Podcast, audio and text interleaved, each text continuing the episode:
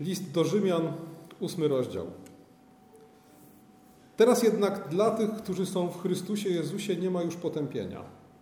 Albowiem prawo ducha, który daje życie w Chrystusie Jezusie, wyzwoliło cię spod prawa grzechu i śmierci. Jeśli natomiast Chrystus w was mieszka, ciało wprawdzie podlega śmierci ze względu na skutki grzechu, duch jednak posiada życie wskutek usprawiedliwienia. A jeżeli mieszka w was duch tego, który Jezusa wskrzesił z martwych, to ten, co wskrzesił Chrystusa Jezusa z martwych, przywróci do życia wasze śmiertelne ciała mocą mieszkającego w was swego ducha. Moi drodzy, niewątpliwie żyjemy w czasach ostatecznych, zwanych też dniami ostatnimi. I wcale nie chodzi mi o to, że koniec świata będzie za dwa lata, jak to niektórzy mówią, ani o to, że przy okazji pandemii koronawirusa wszystkich nas zaszczepią, zaczipują, oznaczą znamieniem bestii, a potem już tylko Armagedon i sąd. Nie. Mówiąc, że żyjemy w czasach ostatecznych, mam na myśli to, że Bóg posłał swego Syna na świat, jak mówi apostoł Paweł w czwartym rozdziale, czwartym wersecie listu do Galacjan, kiedy nadeszła pełnia czasów. A zatem czasy ostateczne nastały wraz z Chrystusem. W liście do Hebrajczyków, w pierwszym rozdziale czytamy, że Bóg wielokrotnie i na różne sposoby przemawiał niegdyś do ojców przez proroków, a w tych ostatecznych dniach przemówił do nas przez Syna. Również Jan w swoim pierwszym liście, w drugim rozdziale, nie pozostawia nam wątpliwości, że żyjemy w czasach ostatecznych. Jan w pierwszym wieku po Chrystusie żył już w czasach ostatecznych, bo mówi: Dzieci, ostatnia to już godzina. Słyszeliście, że ma przyjść antychryst, lecz oto już teraz wielu antychrystów powstało, antychrystów powstało. Stąd poznajemy, że to już ostatnia godzina. Na czym polega ostateczność naszych czasów? Na tym, że żyjemy w ostatnim akcie dramatu dziejów. Dramatu dziejów, który możemy nazwać historią zbawienia. Większość tego, co się miało stać, już się stało, jeśli chodzi o historię zbawienia. Tak wiele wydarzeń, to co stało się w Edenie, Abraham, Mojżesz, Chrystus, to wszystko jest już za nami. A czekamy tylko na powtórne przyjście Chrystusa. Czekamy na ostatnie z ostatecznych wydarzeń. I oczywiście ten ostatni akt dramatu dziejów, ten ostatni akt historii zbawienia trwa już dość długo, bo 2000 lat. I Bóg jeden wie, ile jeszcze potrwa. Ale to nie zmienia faktu, że to jest ostatni akt. Że żyjemy pomiędzy dwoma ostatnimi wydarzeniami w historii zbawienia. Czyli pomiędzy zesłaniem Ducha Świętego a powtórnym przyjściem Chrystusa. Chrystus powróci, a potem nastanie wieczność. I słuchajcie, być może Właśnie to zwiodło wielu chrześcijan w pierwszych wiekach chrześcijaństwa. W pierwszych wiekach chrześcijaństwa bardzo żywe były, zwłaszcza w pierwszym wieku, apokaliptyczne nastroje, takie oczekiwanie, że Chrystus przyjdzie już za chwilę. Dlaczego? No bo wszyscy sobie zdawali sprawę z tego, że żyjemy pomiędzy przedostatnim a ostatnim wydarzeniem historii zbawienia. Więc wydawało się, że to już długo nie potrwa. trwa 2000 lat. I ile potrwa jeszcze, tego nie wiemy. I choć zapowiadany przez wielu wielokrotnie rychły koniec świata nie nastąpił, wiemy, że świat się przez te 2000 lat nie nudził, że działo się naprawdę dużo. I być może do czasu przyjścia Chrystusa jeszcze bardzo wiele rzeczy się stanie. Ale znowu, z perspektywy historii zbawienia nie zmienia to faktu, że żyjemy pomiędzy przedostatnim a ostatnim wydarzeniem. Pomiędzy zesłaniem Ducha Świętego a powtórnym przyjściu Chrystusa. To słuchajcie, trochę tak jak w baśniach, że w zdaniu żyli długo i szczęśliwie może kryć się okres bardzo ciekawy, obfitujący w wydarzenia, a nawet wielokrotnie dłuższy niż cała akcja baśni poprzedzająca to jedno zdanie żyli długo i szczęśliwie. Zesłanie Ducha Świętego jest jednym z wydarzeń eschatologicznych, jest jednym z wydarzeń czasów ostatecznych, tak jak wspomniałem przed ostatnim. Potem już tylko powtórne przyjście Chrystusa i wszystko, co się z nim wiąże, a więc sąd, zmartwychwstanie i wieczność. Apostoł Piotr w dniu pięćdziesiątnicy cytuje proroka Joela i mówi: I stanie się w ostateczne dni, mówi Pan, że wyleje ducha mego na wszelkie ciało. I prorokować będą synowie wasi i córki wasze i młodzieńcy wasi widzenia mieć będą, a starsi wasi, starsi wasi śnić będą sny. Dzieje apostolskie, drugi rozdział, 17 werset. A więc apostoł Piotr też nie ma wątpliwości, że to, co się dzieje w dniu pięćdziesiątnicy, to są czasy ostateczne. Bo prorok Joel mówi, w ostateczne dni stanie się, że Bóg wyleje swojego ducha. I słuchajcie, kiedy patrzymy na zesłanie Ducha Świętego jako na zdarzenie eschatologiczne, to musimy sobie uświadomić, że jako takie podobne jest do powtórnego przyjścia Chrystusa, czy do Jego zmartwychwstania i w niebo wstąpienia.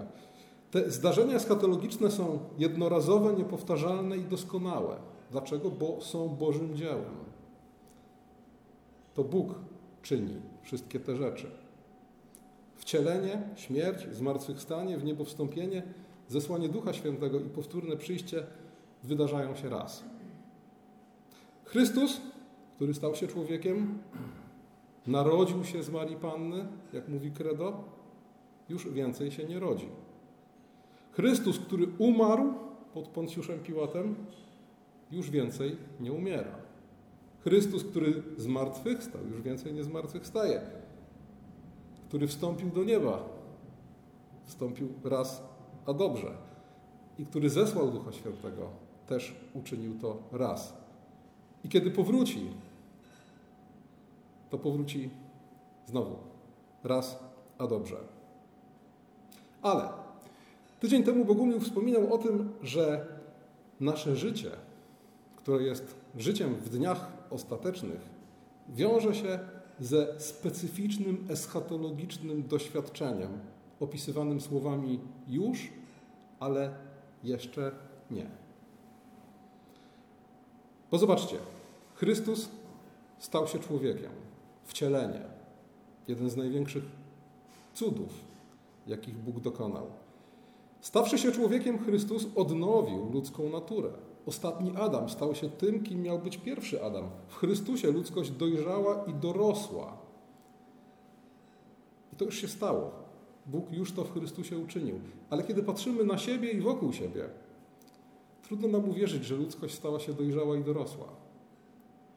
Bo to, co w Chrystusie już się w sposób doskonały stało, to jeszcze niekoniecznie widać w nas samych i wokół nas.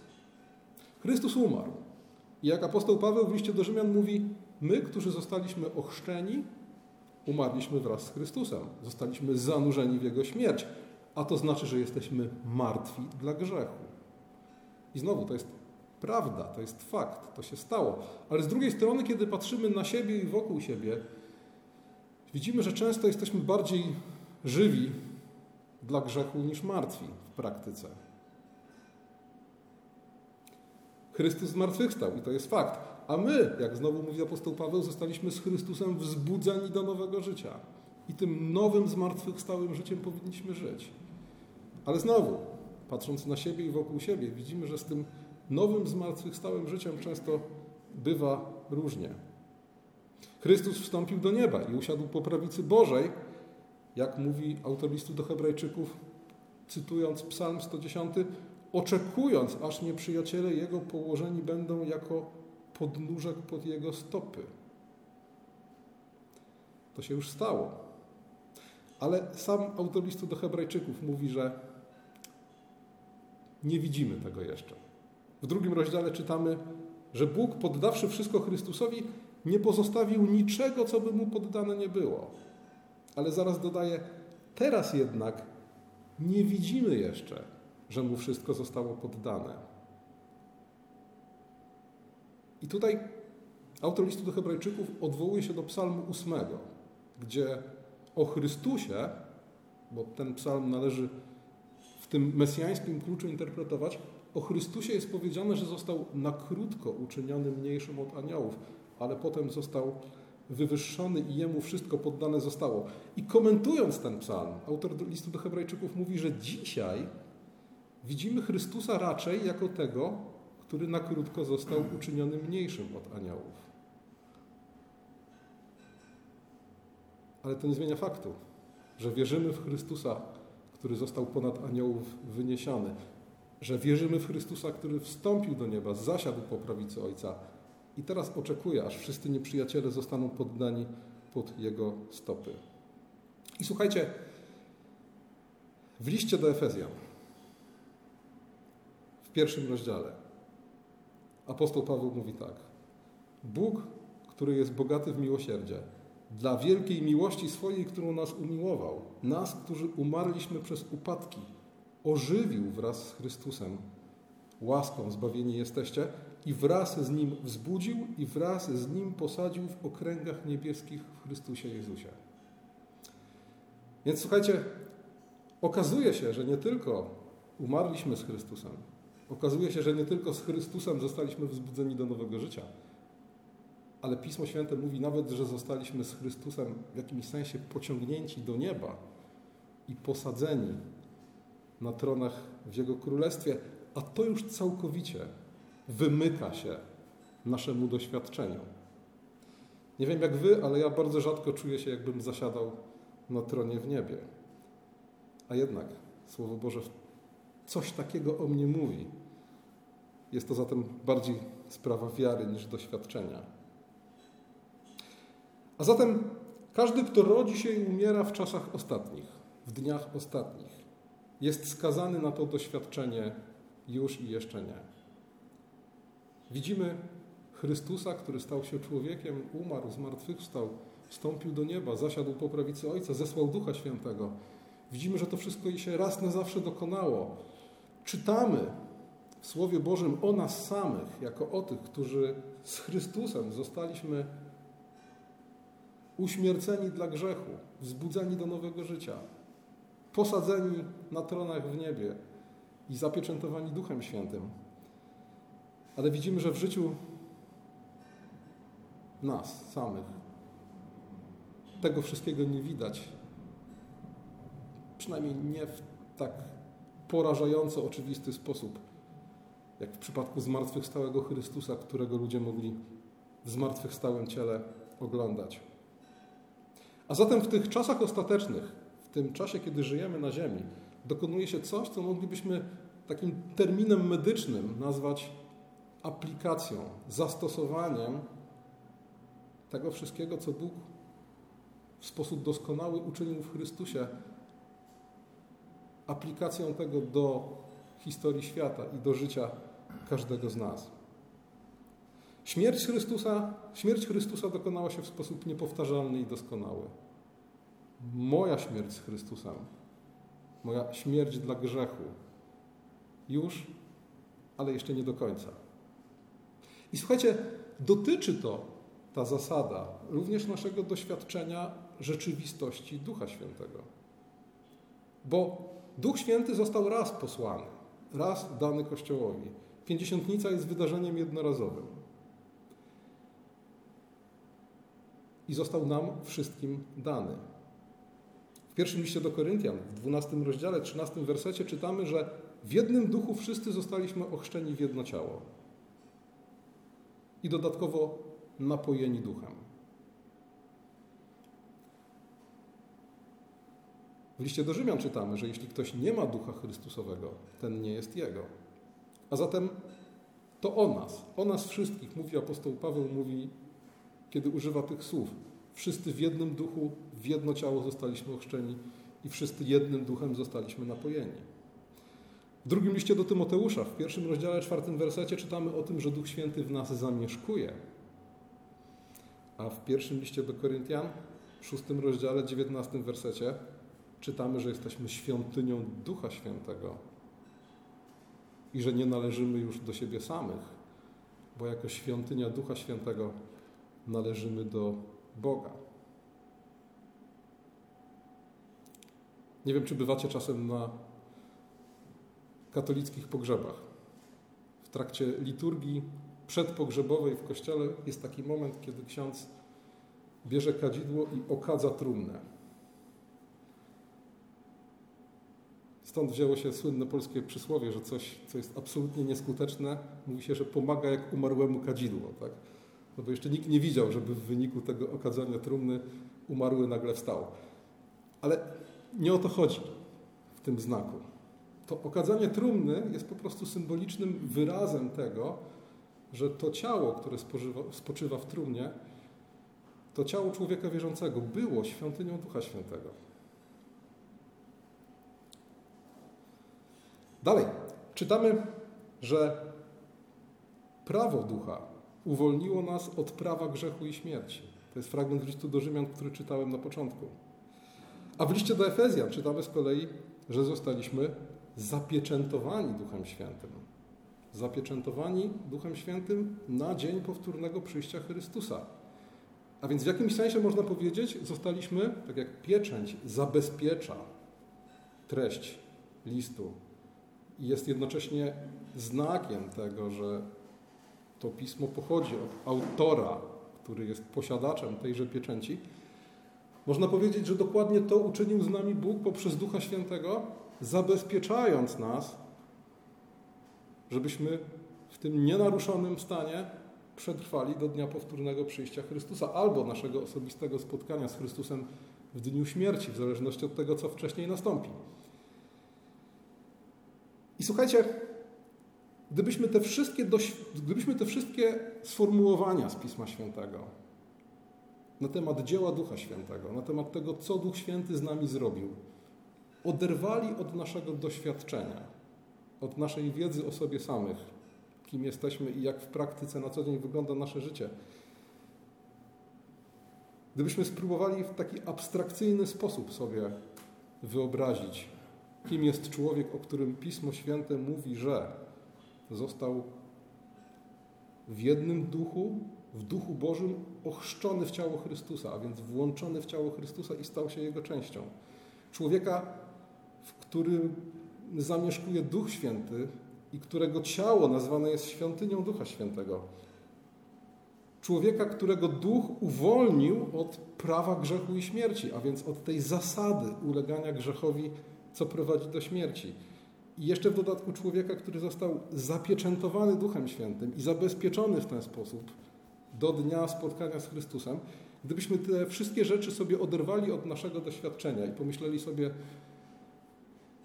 kim musi być, kim jest człowiek, którego Pismo Święte w ten sposób opisuje, to pomyślelibyśmy sobie, że to musi być ktoś absolutnie doskonały,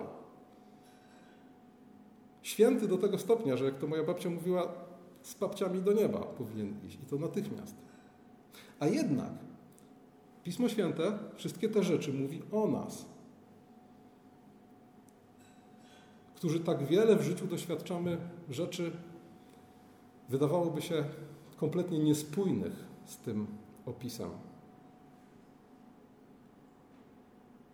Zderzenie naszego doświadczenia i tego, co Pismo Święte mówi o nas w kontekście dzieła Ducha Świętego, rodzi taki, moglibyśmy powiedzieć, dysonans poznawczy, a więc stan nieprzyjemnego napięcia pojawiający się wtedy, gdy jednocześnie występują w naszych głowach dwie wzajemne, wyłączające się idee.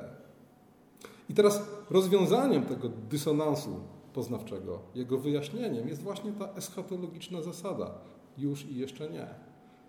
Tak, dzieło Ducha Świętego jest faktem. Tak, Bóg wszystkie te rzeczy rzeczywiście dla nas uczynił, ale teraz jesteśmy w procesie aplikacji tego, zastosowania tego w życiu każdego z nas.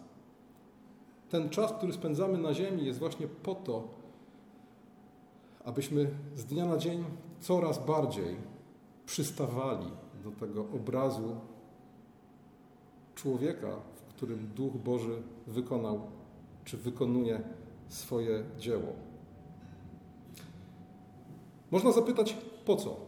Po co Bóg nam ten wydawałoby się idealizujący, idealistyczny obraz ukazuje. Po co nazywa nas w sposób, który tak wydaje się być odległy od naszego doświadczenia?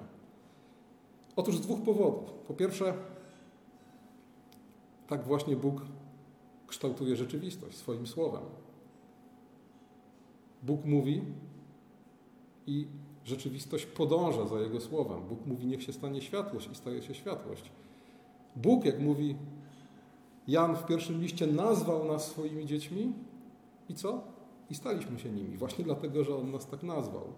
A więc jeśli On nazywa nas świątynią Ducha Świętego, to się nią stajemy. Jeśli On nazywa nas pierwocinami Ducha, to rzeczywiście nimi jesteśmy. Ale drugi powód, dla którego Bóg ten obraz nam przedstawia, tak odległy od naszego doświadczenia. Drugi powód jest taki. Otóż ten obraz to nie tylko pewna proklamacja dzieła Bożego i tego, do czego ono zmierza w życiu każdego z nas, ale to też wyzwanie i zachęta do tego, abyśmy się takimi stawali. Chodzi o to, żeby w Słowie Bożym zobaczyć, żeby tego zapragnąć i żeby o to zabiegać. Bo Słowo Boże nie tylko mówi nam o tym, co Bóg uczynił dla nas w kontekście tego, co możemy nazwać dziełem Ducha Świętego, ale Słowo Boże wzywa nas do tego, żebyśmy się duchem napełniali, żebyśmy według ducha postępowali, żebyśmy sobie nawzajem duchowymi darami służyli i obiecuję jednocześnie, że owocem tego wszystkiego będzie owoc ducha w życiu każdego z nas. Jaki sposób mamy napełniać się duchem? Apostoł Paweł mówi o tym chociażby w liście do Efezjan, kiedy mówi: Napełniajcie się duchem przez psalmy, hymny, pieśni pełne ducha. A więc, krótko mówiąc, im więcej jest w moim życiu Słowa Bożego, im więcej jest Słowa Bożego, którego słucham, im więcej jest Słowa Bożego, które wyśpiewuję Bogu na chwałę przez psalmy, hymny, pieśni pełne ducha, tym więcej jest ducha we mnie. Tym bardziej jestem nim napełniony. A więc pierwsze wezwanie to jest wezwanie do tego, żeby napełniać się Słowem Bożym. Poprzez uczestnictwo w nabożeństwach, poprzez osobistą lekturę Pisma, poprzez wspólną lekturę i rozważanie Pisma, poprzez śpiewanie Bogu na chwałę. Dalej, według ducha postępujcie, mówi apostoł Paweł w liście do Galacjan w 5 rozdziale 16 wersecie. Według ducha postępujcie, a nie będziecie pobłażali rządzy cielesnej. Gdyż ciało pożąda przeciwko duchowi, a duch przeciwko ciału, a te są sobie przeciwne, abyście nie czynili tego, co chcecie. Bo kto sieje dla ciała swego, z ciała rządź będzie skażenie, a kto sieje dla ducha, z ducha rządź będzie żywot wieczny. A więc po pierwsze napełniajcie się duchem. Po drugie postępujcie według ducha. Bo każdy z nas każdego dnia wielokrotnie stoi przed wyborem postąpić według ciała, czy postąpić według ducha. A więc postąpić według cielesnych, złych porządliwości, według tego, czego domaga się ode mnie moja stara Adamowa natura, czy iść za Chrystusem, za Jego głosem, który znajdę w Słowie Bożym, tym Słowem Bożym, którym mam się napełniać, żeby być pełnym ducha. I apostoł Paweł mówi, Tutaj też działa ta zasada: co siejesz, to zbierzesz. Jeśli będziesz siał w swoim życiu cielesne zachowanie i postępowanie, zbierzesz skażenie i śmierć. Jeśli będziesz siał w swoim życiu w duchu, zbierzesz duchowy owoc.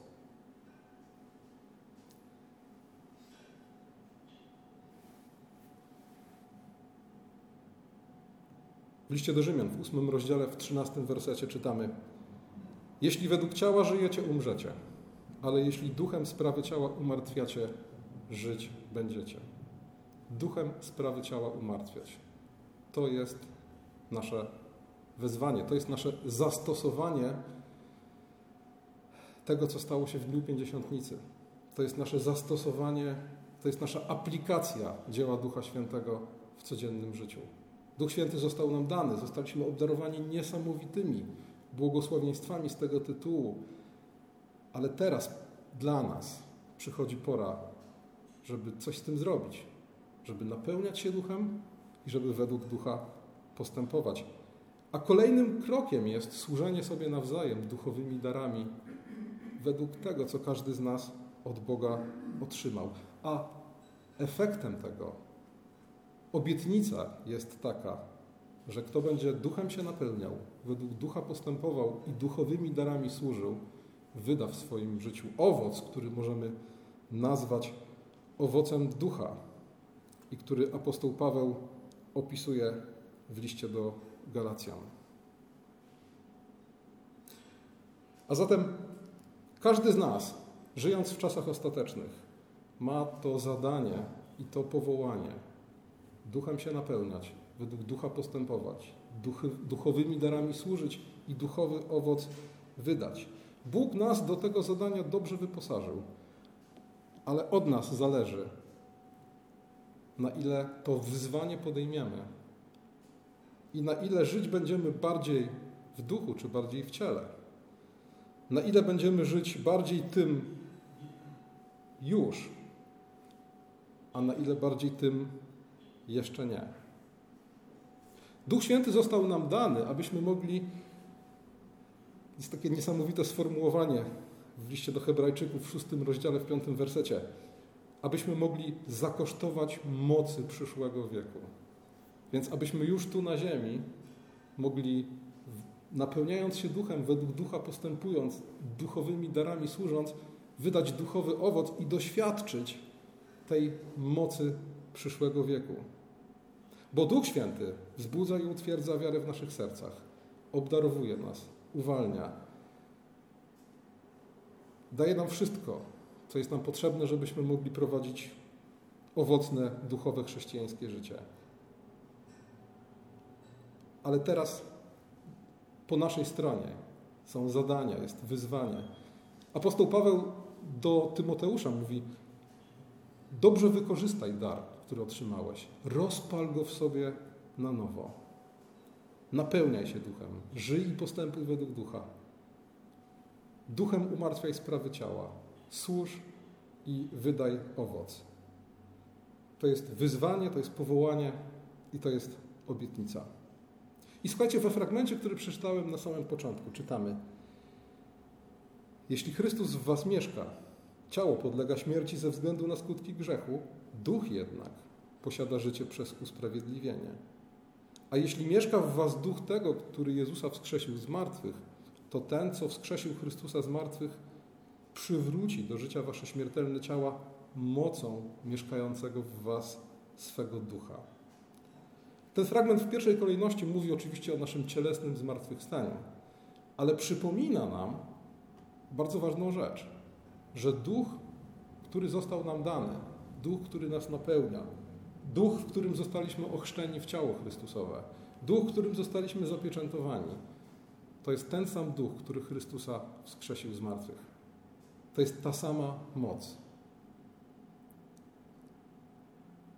A zatem na pytanie, czy jest możliwe prowadzenie chrześcijańskiego życia, które wydaje owoc? Odpowiedź brzmi tak, bo moc, która jest w nas, duch, który został nam dany, to jest ten sam duch i ta sama moc, która Chrystusa wskrzesiła z martwych. To oczywiście nie jest obietnica jakiegoś łatwego duchowego wzrostu. To oczywiście nie jest obietnica tego, że napełniać się duchem, żyć według ducha i duchowymi darami służyć, to jest coś łatwego i prostego. Nie. Co więcej, jeśli spojrzymy sobie na historię Kościoła na biografię wielu ludzi, których oceniając przez pryzmat owoców, moglibyśmy powiedzieć tak, to byli ludzie, którzy prowadzili życie w duchu, to ich doświadczenia życia w duchu to wcale nie była sielanka. To było doświadczenie ciężkiej pracy, ciężkiego zmagania, i moglibyśmy powiedzieć często niewielkiej nagrody tu i teraz, na ziemi, w tym świecie. Ale owoc, który wydali, przemawia. Owoc, który wydali, potwierdza to, że moc, dzięki której żyli, moc, którą żyli, rzeczywiście jest tą samą mocą, która w Chrystusa wzbudziła z martwych. Amen.